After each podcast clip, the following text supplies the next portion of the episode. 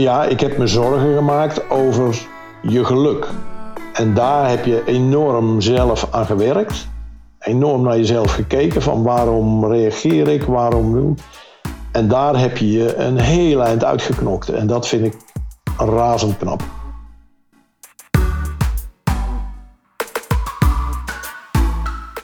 Toen ik bijna bij podcastaflevering 200 was, toen vroeg ik op Instagram aan jullie, aan jou, heb jij ideeën over hoe jij zou willen dat ik dat ga vieren of dat ik die 200ste aflevering ga inkleden?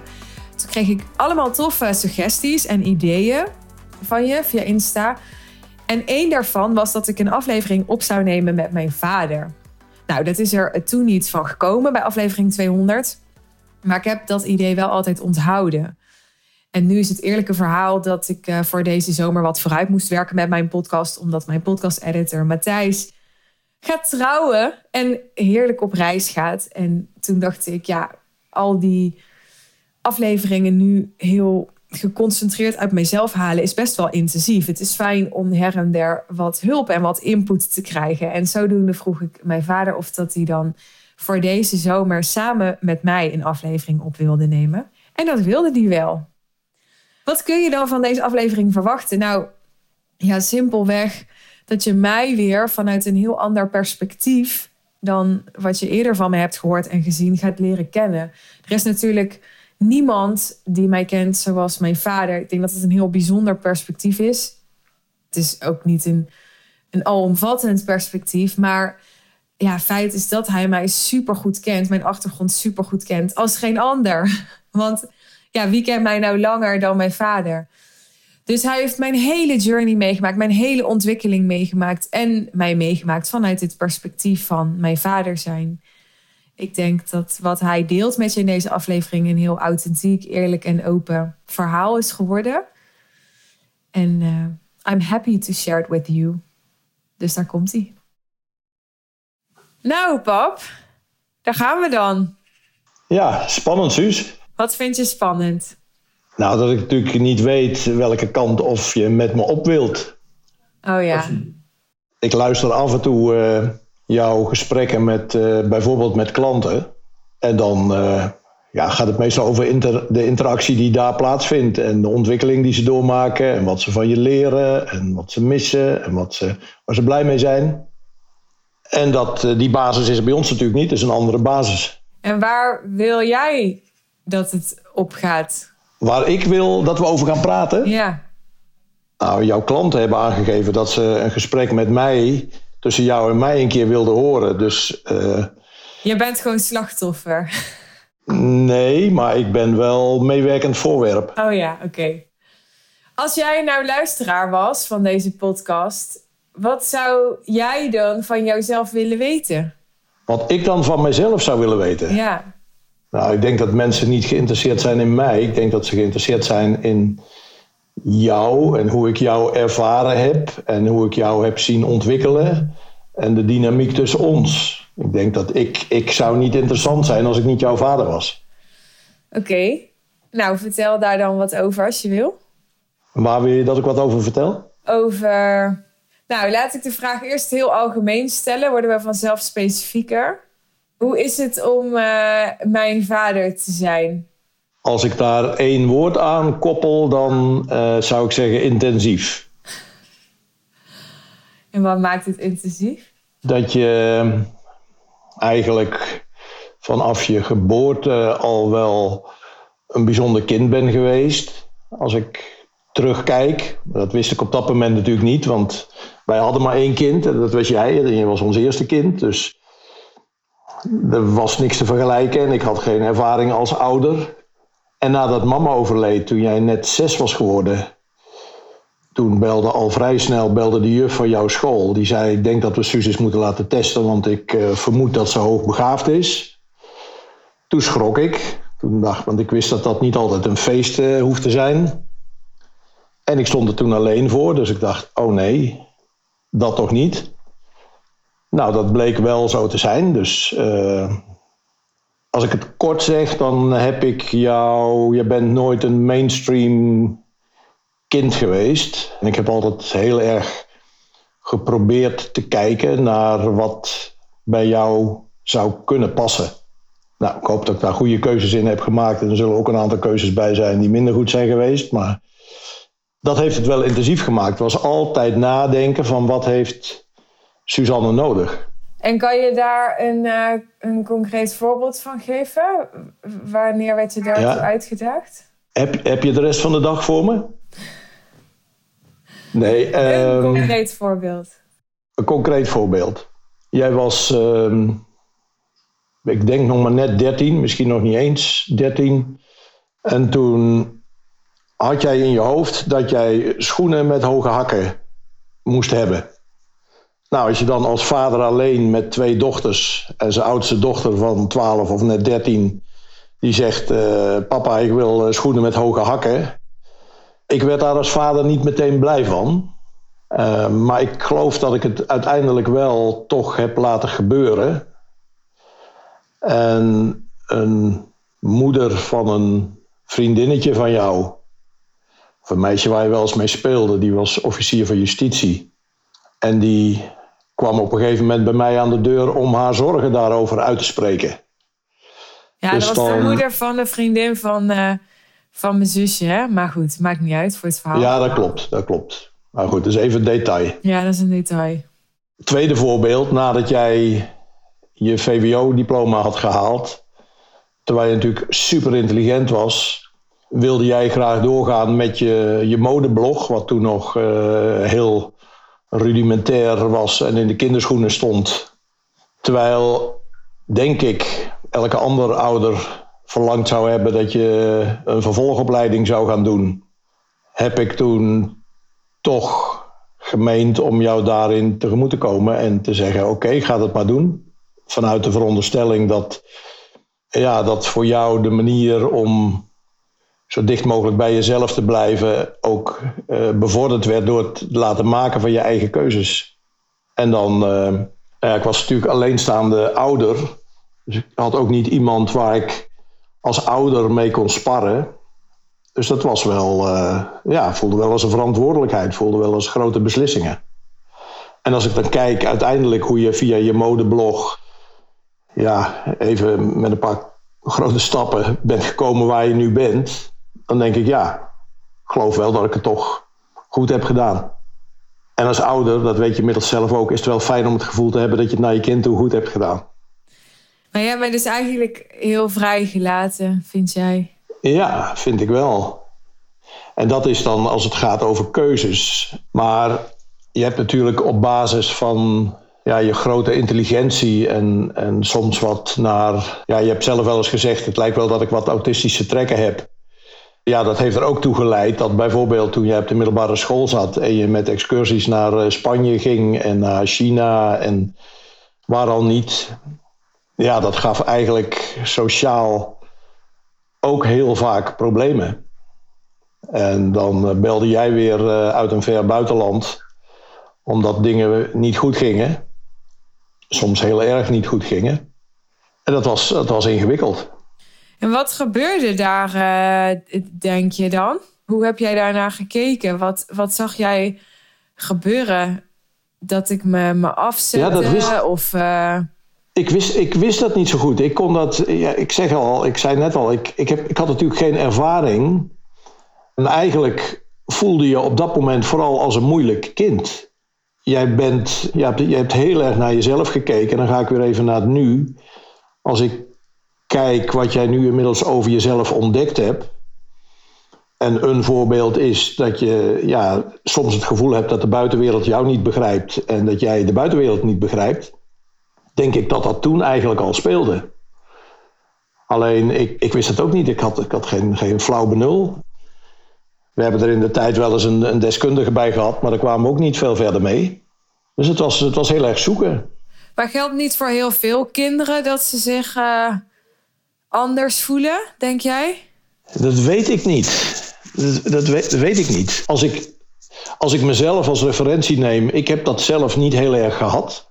Ook niet in de puberteit. Ik ben er eigenlijk eh, vrij soepel en, en makkelijk doorheen uh, gegaan. En als ik kijk naar, naar uh, Saskia, jouw zus, dan ja, is dat eigenlijk ook veel soepeler gegaan. Tuurlijk, in, in het leven van elk kind zijn er, eh, zijn er momenten dat het, dat het allemaal van een leien dakje gaat. En momenten dat het even tegen zit en dat je even verdrietig bent. Of, uh, maar dat was toch wel van een andere orde dan bij jou. Dus het was intensief omdat ik een moeilijk kind was? Nee, het was intensief omdat ik eigenlijk nooit vanzelfsprekende keuzes kon maken. Dus ik moest altijd nadenken over wat doen we hiermee. Nou, een ander voorbeeld. Jij had op uh, de basisschool een, uh, was er een mevrouw geweest die uh, had banden met Roemenië. En die had verteld over arme kinderen in Roemenië.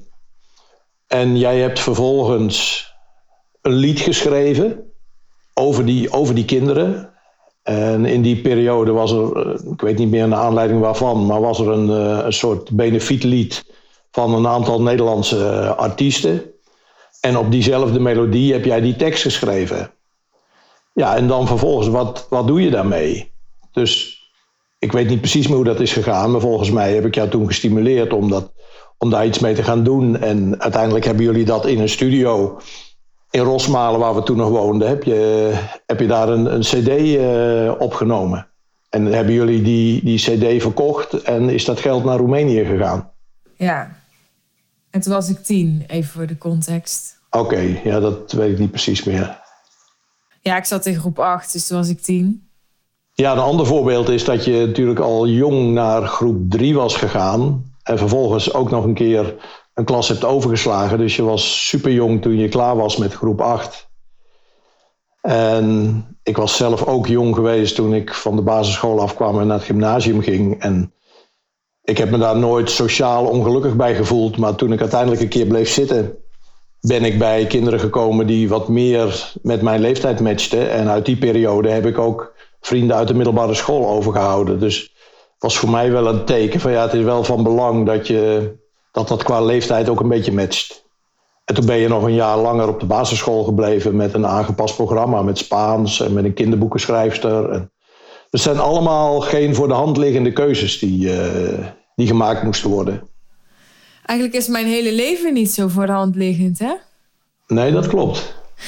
Daar hoef ik niet lang over na te denken.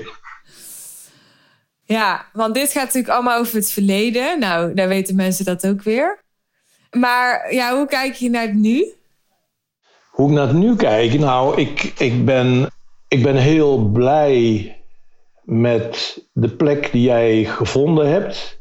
Ik heb je op 16 maart, toen ik helaas door corona niet in Rotterdam kon zijn, heb ik uh, gezien hoe je op het podium stond en hoe je daar ja, in je element was. En ja, daar, ik, daar ben ik, ik ben heel blij voor je dat je dat hebt gevonden, dat je dat hebt bereikt. En ik weet nog dat jij jaren geleden zei: Ik wil voor mijn dertigste wil ik, uh, ja, een bepaalde omzet gerealiseerd hebben. En toen heb ik mijn tong afgebeten om niet te zeggen: Suus, kom even met beide benen op de grond staan. Dus ik heb die tong afgebeten, maar je hebt het wel gedaan. Ik ben enorm blij dat ik dat toen niet heb gezegd, want Inmiddels weet ik ook wat beperkende overtuigingen zijn. en dit was zo'n beperkende overtuiging. Dus, uh... Maar jij dacht dus niet van, uh, nou, Suus, die gaat dat wel even cheffen of zo. Nee, maar dat, dat, is mijn, dat heeft te maken met mijn achtergrond. Dat heeft te maken met mijn opvoeding. En wat ik net zei, dat heeft te maken met mijn beperkende overtuigingen. Die hebben veel meer te maken met doe maar gewoon, dan doe je al gek genoeg. En jij denkt veel meer, en jouw klanten ook, in termen van alles is mogelijk. En dat, dat, dat vind ik mooi. Ik zie dat dat ook heel veel brengt. Dat brengt jou veel en dat brengt, brengt jouw klanten ook veel. Ik, ja, ik heb verschillende keren gehoord dat ze niet alleen zakelijk groeien, maar ook zeggen: ik, ben, ik groei ook in persoonlijke zin sinds ik bij jou ben. En je vroeg net, hoe kijk je dan nu naar het nu? En toen zei ik van, nou, ik ben blij met waar je nu staat. En ja, dat je in dat opzicht je plek hebt uh, gevonden. Ben ook blij dat je in persoonlijke zin ook meer rust hebt gevonden. Want je hebt natuurlijk ook, uh, als je kijkt naar de relatie achter je, een hele bewogen periode gehad. nou, dat stof dat, uh, dat is langzamerhand ook een beetje neergeslagen.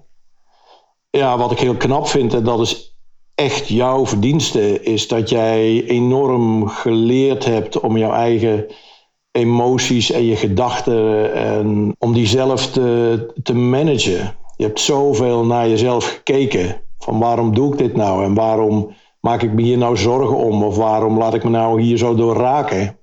En daar heb je enorm veel uh, je in verdiept, alles over gelezen. jij, uh, waar een ander tv zit te kijken, daar zit jij op het uh, internet te surfen of een boek te lezen over persoonlijke groei en over mentale processen. En ik zie dat je daar vreselijk veel van geleerd hebt. Hoe zie je dat dan? Nou, omdat je, je bent veel evenwichtiger geworden in je, in je emoties. Natuurlijk, af en toe ben je ook nog verdrietig en heb je pijn. Maar die heeft iedereen. Maar je kunt het nu veel beter hanteren dan in het verleden. In, vanuit mijn perspectief, hè, zoals ik het zie. Ik kan niet in jouw gevoel uh, kijken, maar dat is wat ik meen waar te nemen. En dat vind ik, ja, dat vind ik echt heel knap. En dat is ook wel, nou ja, je hebt 16 maart heb je het lied gezongen.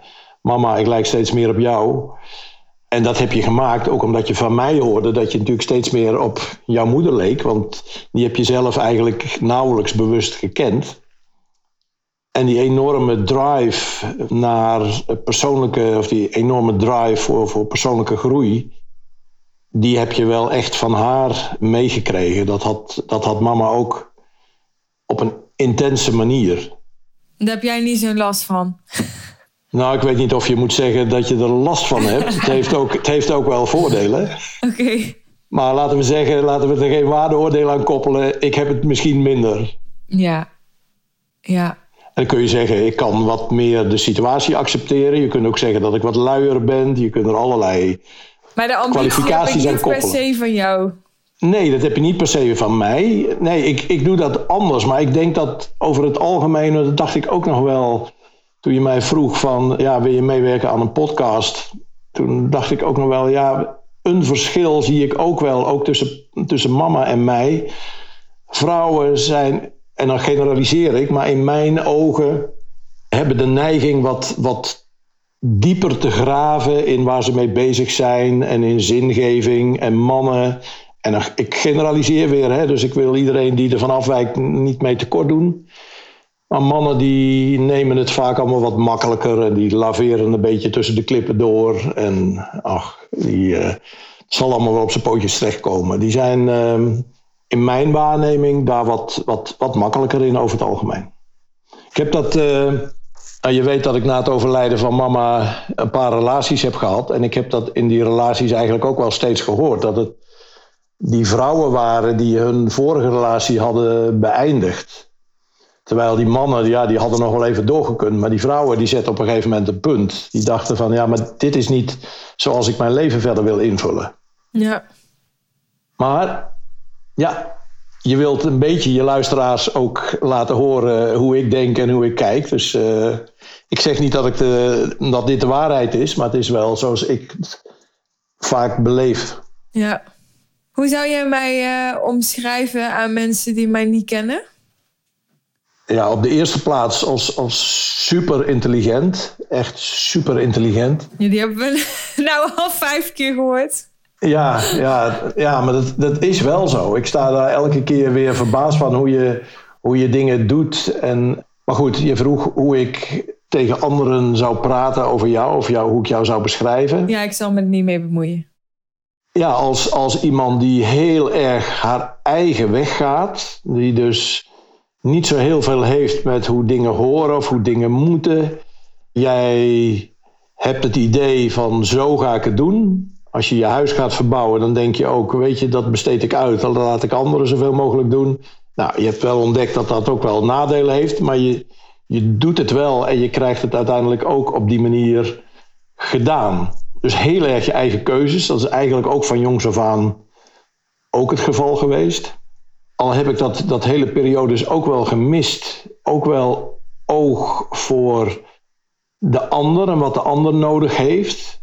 Ja, om een, klein voorbeeld te geven. Hè, in onze familie ja, als er een verjaardag is, dan wordt er een cadeautje gekocht. En nou, dan haalt iemand bij de notenboer een zak noten en koopt er nog een, een tijdschrift bij, bij wijze van spreken. En daar wordt niet heel veel aandacht aan besteed. Maar als jij dat doet, dan denk je er echt over na, wat voor cadeau ga ik geven?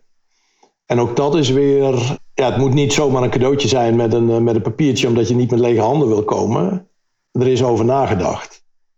En dat zie ik bij ja, heel veel dingen die je doet. En dat is soms ook heel lastig, want je stelt hele hoge eisen. Ik moet nu even denken aan uh, het vaccinatieprogramma.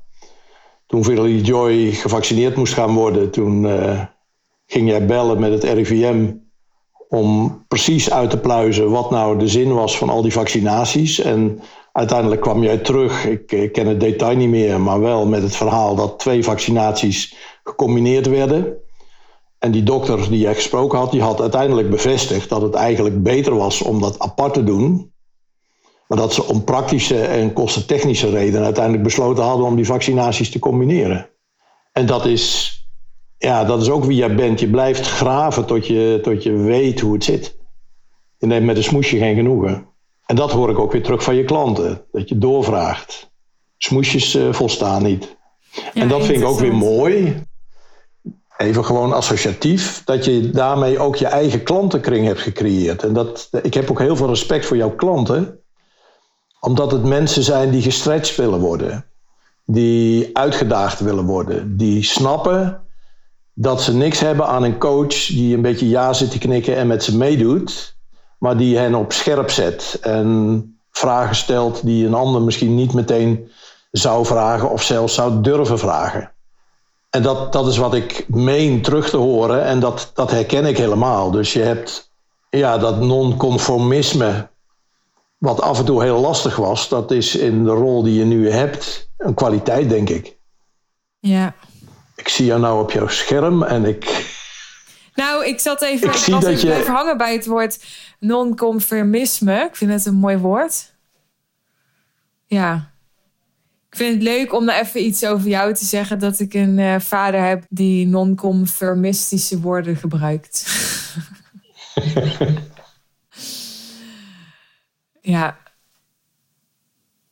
Nu denk je heel diep na. Wat denk jij dat ik nog ga, ga doen of ga meemaken of ga realiseren in de toekomst?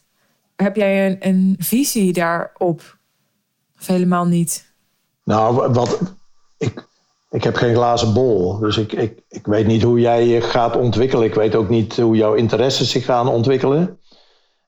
Wat ik wel weet, en dat heb ik ook al eens een keer volgens mij tegen je gezegd dat ik denk dat wat jij nu doet en het, het kritisch zijn en niet genoegen nemen met een ontwijkend antwoord of met wegkijken, denk ik dat die kwaliteit dat er heel veel toppers in het bedrijf leven, dus dan heb ik het echt over captains of industry, gebaat zouden zijn met zo iemand als jij naast zich, die zonder een hiërarchische verhouding gewoon vragen gaat stellen.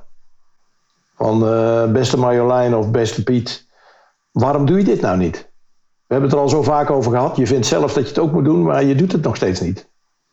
En over het algemeen, ja, ik heb, dat, ik heb zelf in een hele grote organisatie gewerkt. Zie je dat mensen in hun omgeving ja, toch geneigd zijn sociaal wenselijke antwoorden te geven. En er zijn maar weinig mensen die dan echt kritisch durven te zijn. Dat is oh, zo grappig. Terwijl ik dat nu zeg, denk ik, ja, dat heb, ik, dat heb je ook wel een beetje van mij. Dat autonome. Want ik heb dat namelijk in die organisatie wel verschillende keren gedaan. En dat werd eigenlijk altijd gewaardeerd. Maar goed, dat is even een zijstapje. Ja, ja. Ik wil nog heel even terugkomen op dat. Uh, ja, dat jij hebt het ook wel eens in het verleden onaangepast genoemd. Ja. Toch? Daar zit wel een soort eh, mini-trauma, denk ik. Ja. Bij mij. Misschien bij jou ook wel. Maar ja, bij mij ook. Bij mij. Ik heb jou heel vaak horen zeggen dingen die gingen over dat jij het gevoel had dat je. Ik weet niet of verdedigen het goede woord is, maar dat jij mij moest verdedigen naar anderen toe. Nou, je gaf al dat voorbeeld aan het begin van dit gesprek over dat op hakken lopen. Mensen die, ik zeg even, ik probeer jou nu even te citeren. Je hebt vaak gezegd van ja, mensen die, die begrijpen jou niet of zo, die kunnen jou niet volgen. Klopt toch? Ja. En waar had dat dan met name mee te maken, denk jij? Wat, wat deed ik dan wat mensen niet konden volgen? Ik denk dat dat vooral te maken had met je sociale optreden. Dus je niks gelegen laten liggen aan je omgeving vanuit hun perspectief. Ik herinner me dat jij in Shanghai was, als, het goed, als ik het goed heb. Of ik weet niet of het Peking was, maar ik, ik meen Shanghai. Nee, en dat Peking, jij. Maar dat maakt niet uit. Want je had Chinees op het tweetalig VWO. En jullie maakten een excursie naar China. En jij vertelde dat jij in een lokaal. En niet iedereen krijgt de kans om naar China te gaan. Gewoon in, in een of ander blad, Nederlands blad, uh, ging zitten kijken. En gewoon niet deelnam aan wat daar in die groep gebeurde. En dat, dat soort dingen begreep niemand. En dat kun je op een bepaalde manier ook onaangepast. Zo van ja, jullie gaan je gang maar, maar ik ga gewoon die blad zitten lezen, ook al zit ik hier in China. Ja, maar ik denk dan ook, ik was 16. Ik was puber, dat doen pubers toch? Ja, dat weet ik niet. Ik had maar één puber op dat moment. En de anderen waren ook pubers, maar die deden wel mee in die groep. Ja. Ja. Dus daar zat een. Uh... En waarom deed ik dat dan, denk jij? Even psychologie van de koude grond. Ja, dat, dat durf, ik, durf ik niet te zeggen. Kijk, ik weet inmiddels meer. Eh, als ik dat erbij betrek, dan denk ik, eh, ja, jij, jij voelde je. Jij voelde ook geen aansluiting bij hun manier van leven en hun manier van denken. Dus je voelde je denk ik ook een, een eenling binnen die groep. Maar dat, ja, laten we dat inderdaad bestempelen als psychologie van de koude grond. Want dat weet ik echt niet. Daar kun je beter zelf een antwoord op geven. Wat er op dat moment voor jou speelde. Ja, ik denk dat het heel erg te maken heeft met niet de verbinding aan willen gaan. Ik denk dat ik op een gegeven moment heel, nou, ik wilde zeggen heel bewust, maar dat ging niet heel bewust. Dat ging alsnog wel onbewust. Maar dat ik onbewust de verbinding echt uit de weg ging. En op dat moment, als je natuurlijk gewoon niet doet wat de groep doet, dan verbind je je dus niet met de groep. Omdat ik me al heel jong heel afgewezen heb gevoeld op het moment dat er wel verbinding was. Want als ik dan even dat voorbeeld erbij haal van dat ik tien was en dat nummer schreef en dat nummer ging opnemen. Ik heb laatst nog tegen iemand verteld. Ja, zo heb ik het ervaren op dat moment. Ik was op de basisschool, ik zat op een kleine basisschool, zetten honderd leerlingen op. En ik was soort van het paradepaardje. Eh, eh, ja, ik was, ik, ik was soort van, ik werd altijd gepositioneerd als, ja, ik was slim en creatief en ondernemend en, en al die dingen. Ja, zo'n school vindt dat leuk om zo iemand dan ook een beetje op een voetstuk te zetten ik zal ook nooit vergeten dat, uh, jij weet het wellicht ook nog wel, dat ik in groep 5 een rapport kreeg. En daar stond zo bij de opmerkingen stond zo, ja, Suus is er één uit duizenden. Ja. En ja, dat is natuurlijk super mooi als iemand het opschrijft. Maar ik denk echt, voor mij was, waren zulke dingen echt een doodsteek. Want wat het sociaal deed is, als ik vriendinnen had, want het is niet zo dat ik nou dat ik niet in staat was om, om, om vrienden te maken of zo. Die heb ik altijd wel gehad. Maar bijvoorbeeld met dat nummer, omdat ik dat had geschreven en ik die CD op ging nemen. En had de juf tegen mij gezegd: dan mag jij een stuk solo zingen. Ja, al mijn vriendinnen waren allemaal jaloers.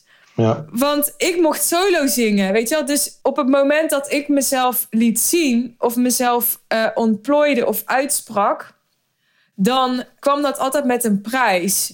En ik denk dat ik daardoor de coping heb ontwikkeld van, nou ja, ik kan maar beter. De andere kant was geweest dat ik me dus niet meer had uitgesproken. Op de een of andere manier was dat geen optie voor mij. Ik denk dat ik dat gewoon ook niet kon. Dat ik zo autonoom was en zo ja, ik weet niet, vrij gevochten of zo. Dat, ik, dat, dat kon ik gewoon niet in, in een soort keurslijf. Dus het alternatief was dan maar niet meer verbinden, zodat ik de afwijzing daarop niet hoefde te voelen. Ik denk dat dat gebeurde. Ja, ja dat, uh, daar kan ik me alles bij voorstellen. Dat herken ik ook wel uit die, uh, uit die periode. Dat doet me overigens denken aan iets anders. En dat is misschien toch wel leuk om te vertellen. Dat je, toen je op de middelbare school zat, kreeg jij opdracht van een leraar Nederlands. Ja, niet jij, maar de hele klas om een opstel te schrijven. En ik meen dat het moest gaan over respect. Misschien weet jij nog wat het onderwerp was, maar ik dacht dat, het, dat, ja. dacht dat het over respect ging. En jij kwam, jij had dat geschreven. Je had het mij ook volgens mij laten lezen. En ik vond het, uh, ja, ik vond het heel mooi, heel knap wat je, wat je geschreven had. En toen kwam je na een paar dagen, op enig moment had jij de reactie van die leraar teruggekregen. En toen kwam jij helemaal boos en, en ook wel bedroefd thuis. Want hij geloofde niet dat jij het zelf geschreven had. Hij dacht dat jij het van het internet had gehaald. En ik vond dat, eh, dan ga ik weer terug naar het intensief. Dit soort dingen deden zich natuurlijk altijd voor. Ik heb toen een brief geschreven. Ik, ik begreep het helemaal dat hij het wantrouwde. Want het was exceptioneel wijs wat je geschreven had. Maar ik, ik wist 100% zeker dat je het zelf geschreven had. Waarom eigenlijk? Ja, om, omdat het jouw woorden waren en omdat je ook altijd super straight was. Dus ik, ik weet eigenlijk zeker dat als je het van het internet had gehaald, dat je dat ook tegen mij had gezegd. Dus ik vertrouwde de blindelings op dat als jij zei dat je het zelf geschreven had. Maar ik, ik zag het ook aan alles. Ik, dus ik hoefde je mij eigenlijk niet uit te leggen. Ik, wist, ik was 100% van overtuigd dat je het zelf geschreven had. Want ik had meer situaties meegemaakt. Dat voert nu te ver om dat er allemaal bij te halen. Maar die jouw wijsheid op dat punt eigenlijk ook wel lieten, zien. Dus ik heb een brief geschreven aan die eh, leraar. Uitgebreid hem uitgelegd hoe jij in elkaar zat, wat je had meegemaakt en wat ik al van jou had gezien. En dat je 100% oprecht was. En vervolgens heeft hij, ik geloof dat hij zelfs een excuus naar jou heeft gemaakt. En hij heeft je een tien eh, gegeven. En hij was helemaal overtuigd daarna dat je het zelf gedaan had. En ik zei net al, dat, dan kom ik weer terug bij het woordje intensief. Dit soort situaties deden zich natuurlijk met jou regelmatig voor. Dus dan moest ik toch als een soort tolk naar de buitenwereld uitleggen hoe het zat. Heb je wel eens zorgen gemaakt over uh, of ik wel een soort van goed terecht zou komen of zo. Omdat ik natuurlijk niet ging studeren en omdat ik nee. soms die aansluiting miste. En... Nee, ik heb me nooit zorgen gemaakt of je wel goed terecht zou komen. Ik heb me wel zorgen gemaakt over jouw geluk. Daar heb ik me heel veel zorgen over gemaakt. Nou, ik heb toch wel een aantal positieve kwalificaties eh, laten horen tot nu toe. Wat voor mij een hele lastige is geweest, en dat heeft echt wel een aantal jaren geduurd, is dat als in mijn schermpje van mijn telefoon verscheen Suus, dan dacht ik, oh nee, wat zal het nu weer zijn? Dus ik dacht, ik heb jarenlang, als jij belde, niet gedacht, oh wat leuk, Suus belt. Wat je als vader natuurlijk graag wilt ervaren als je door je dochter gebeld wordt. Maar ik heb jarenlang gedacht: oh nee, wat, wat is er nu weer aan de hand? Dat is echt een lange periode geweest. En er is ook een lange periode geweest dat je vooral de negatieve dingen wist te benoemen. de periode voordat Philly Joy is geboren is natuurlijk een hele bewogen periode geweest. Je hebt toen eh, samen met de vader van Philly Joy bij mij gewoond. Daar gebeurden ook heel veel moeilijke dingen. En op enig moment vroeg ik aan jou: heb je al leven gevoeld? En toen zei je, oh ja, al drie weken geleden of zo. Maar die dingen, die vertelde je nooit, die deelde je niet met me. Dus ik kreeg eigenlijk alleen maar alles wat je moeilijk vond en waar je somber van werd en waar je mijn hulp bij nodig had. Daar, dan deed je een beroep op me. Maar alle mooie dingen, en ik weet niet hoeveel dat er waren, maar in ieder geval, ja, als je in verwachting bent en je voelt voor het eerst leven en je woont bij mij in huis, ja, ik vond dat heel. Ik vond dat op de eerste plaats ook wel teleurstellend. Maar ik vond het ook opzienbarend eigenlijk dat. En ga ik weer terug naar dat zorgen maken. over die onbalans tussen het ervaren van de negatieve dingen en de, en de positieve dingen. Dus ja, ik heb me zorgen gemaakt over je geluk. En daar heb je enorm zelf aan gewerkt. Enorm naar jezelf gekeken van waarom reageer ik, waarom doe En daar heb je je een heel eind uitgeknokt. En dat vind ik razend knap. Dank je. En ja, dat is dan toch nog even iets wat me nou, van het hart moet, wil ik niet zeggen. Maar toen ik dacht over deze podcast, toen dacht ik, ja, wat dan gelijk bij me binnenkomt, is dat eigenlijk de twee moeilijkste momenten uit mijn leven ook met jou verbonden zijn.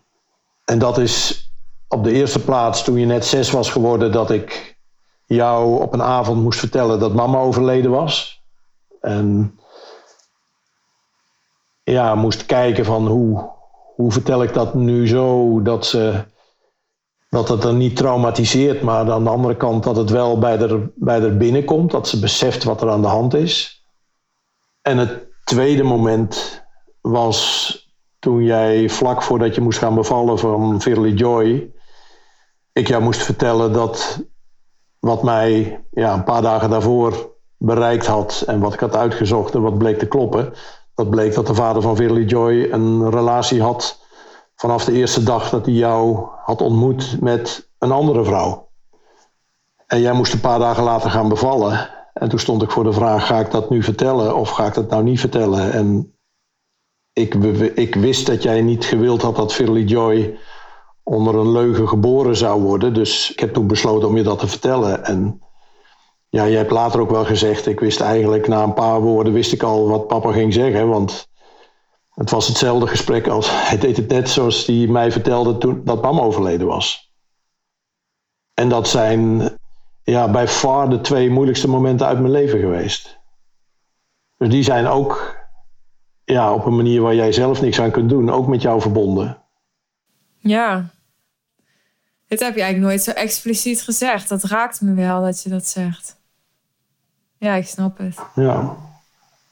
Denk je dat het, ehm, ja, dat het, geloof jij dat, dat dat soort van mijn blueprint is of zo? Alles wat ik heb meegemaakt?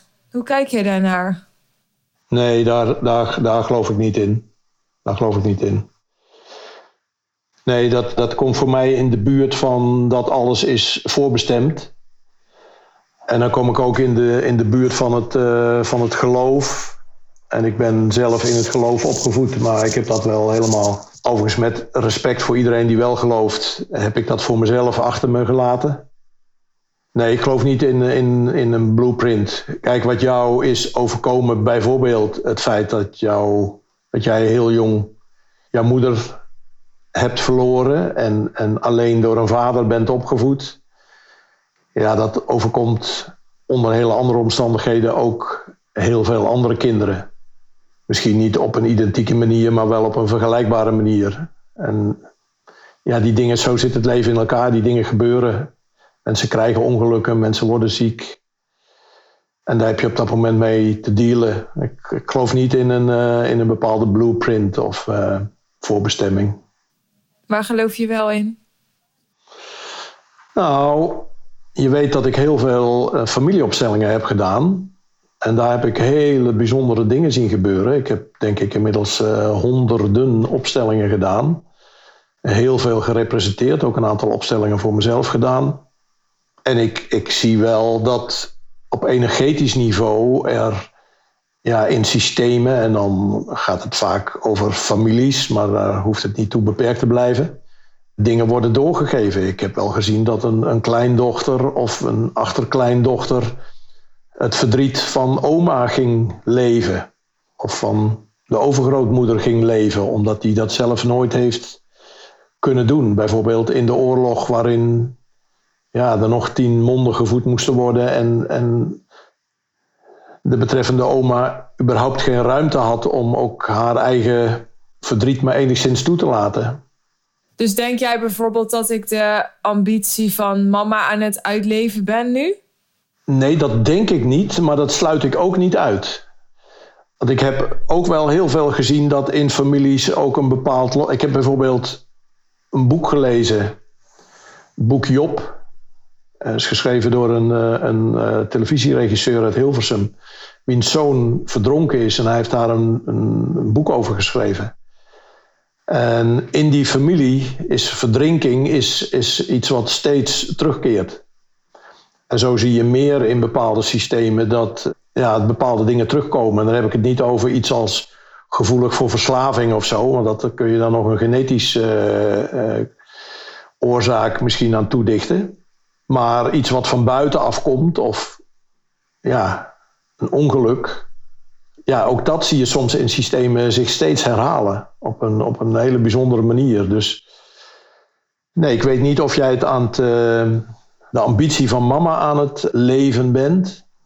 Maar ik, ik sluit niet uit dat het feit dat mama overleden is toen zij 39 was, dat dat voor jou misschien onbewust wel een enorme drive is om heel intens en intensief te leven en je ambities niet uit te stellen tot morgen, maar die ook vandaag na te jagen. Vind jij dat ik een najager ben? Nee. Nee, dat vind ik niet.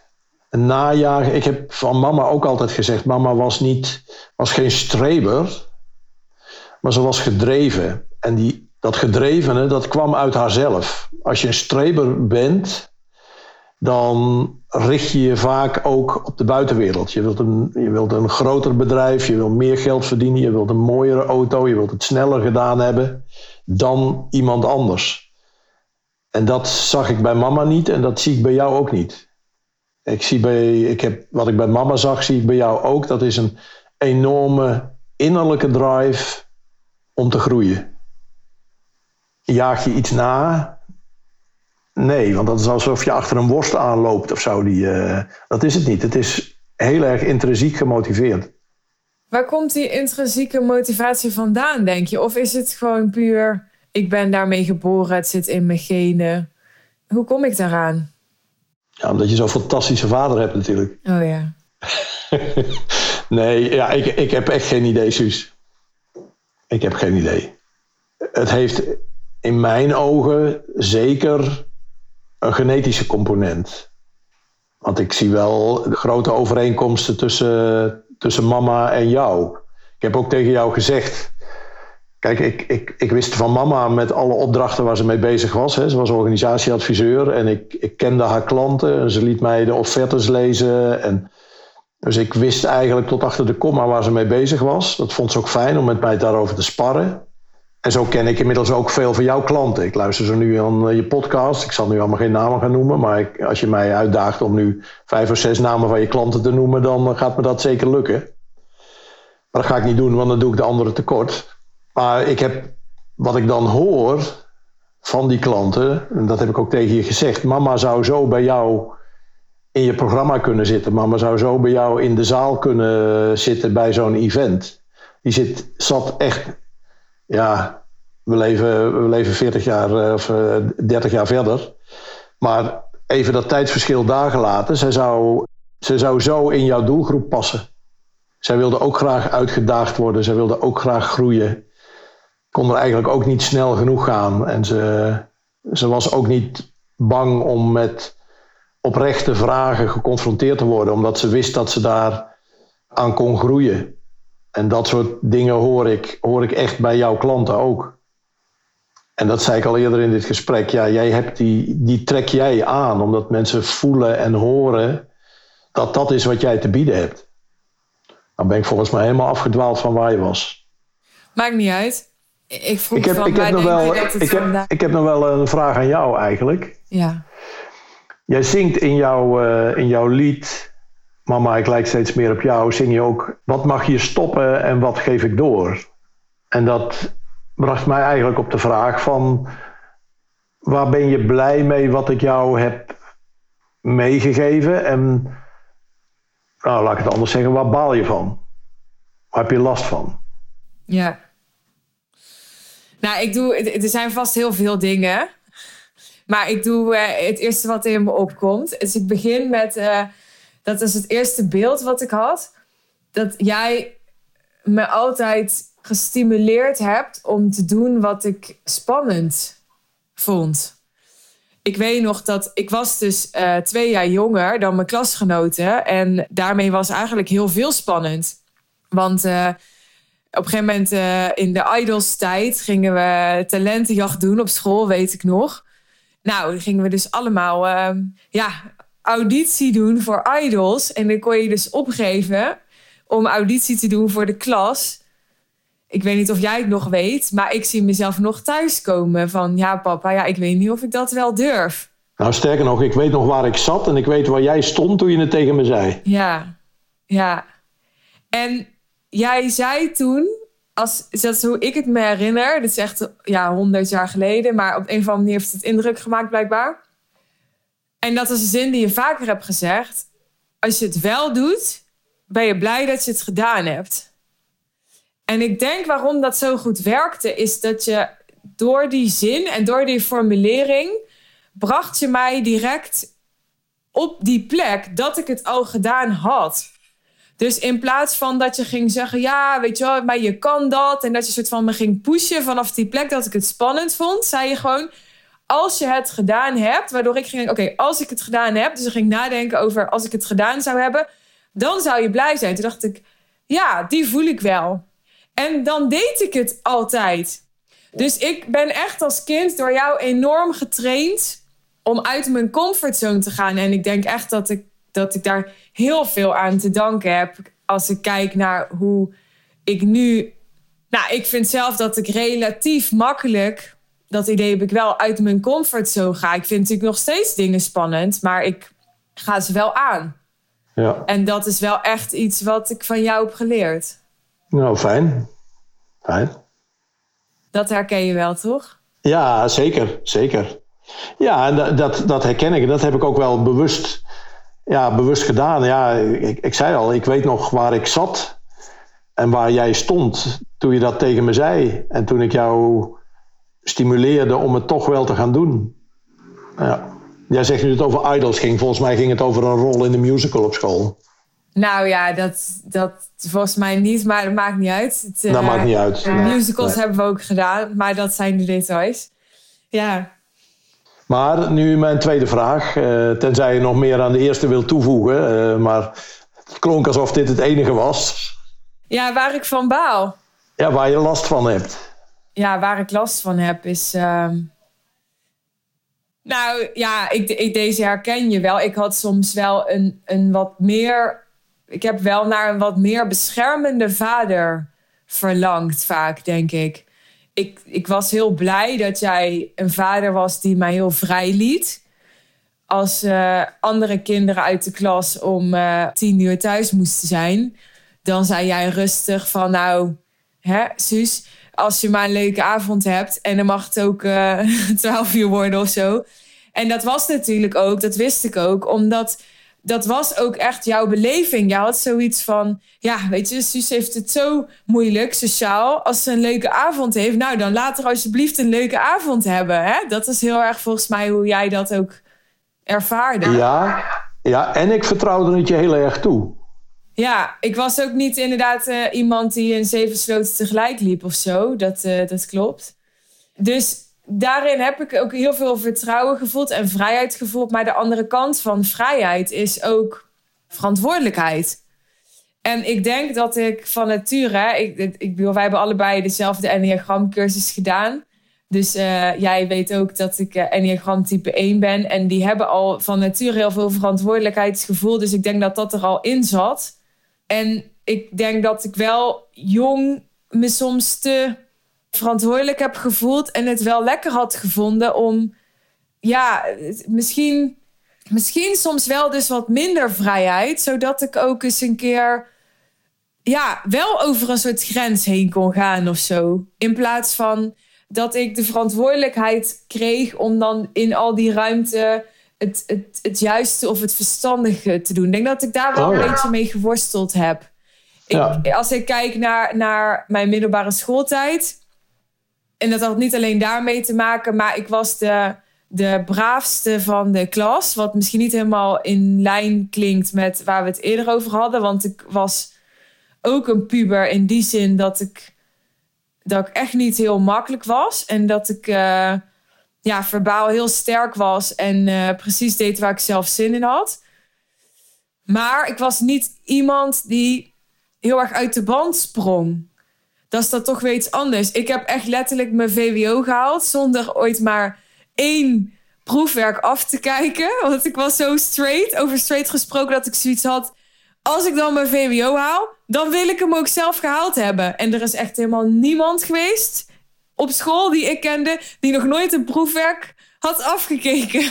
Nee, nee. Maar ik deed dat niet. Nee, nee.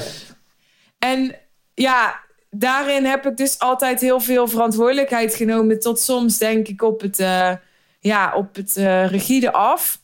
En tegelijkertijd was ik ook een puber. Dus natuurlijk heb ik ook her en daar ook wel, wel eh, dommere dingen gedaan, uiteraard. Maar ja, ik denk dat ik het wel lekker had gevonden. Ook omdat ik natuurlijk niet de zorgzaamheid van een moeder had.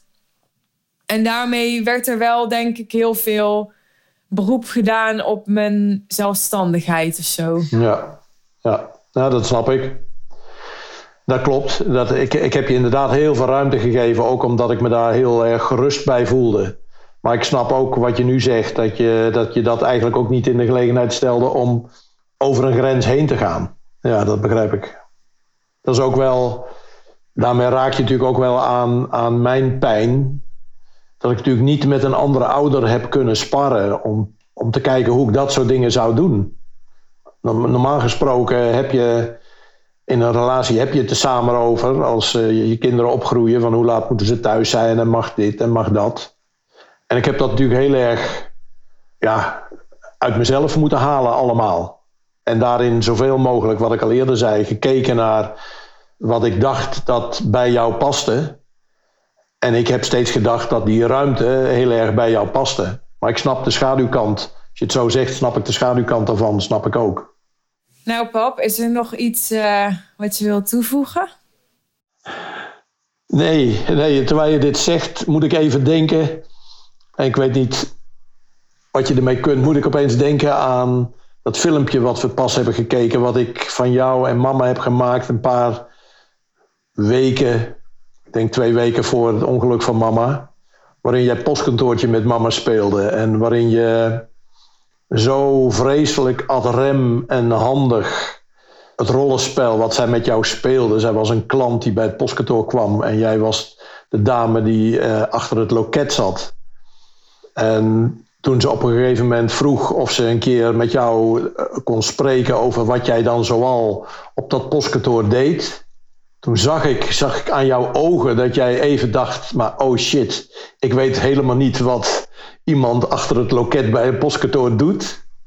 En toen gaf je het, het magistrale antwoord.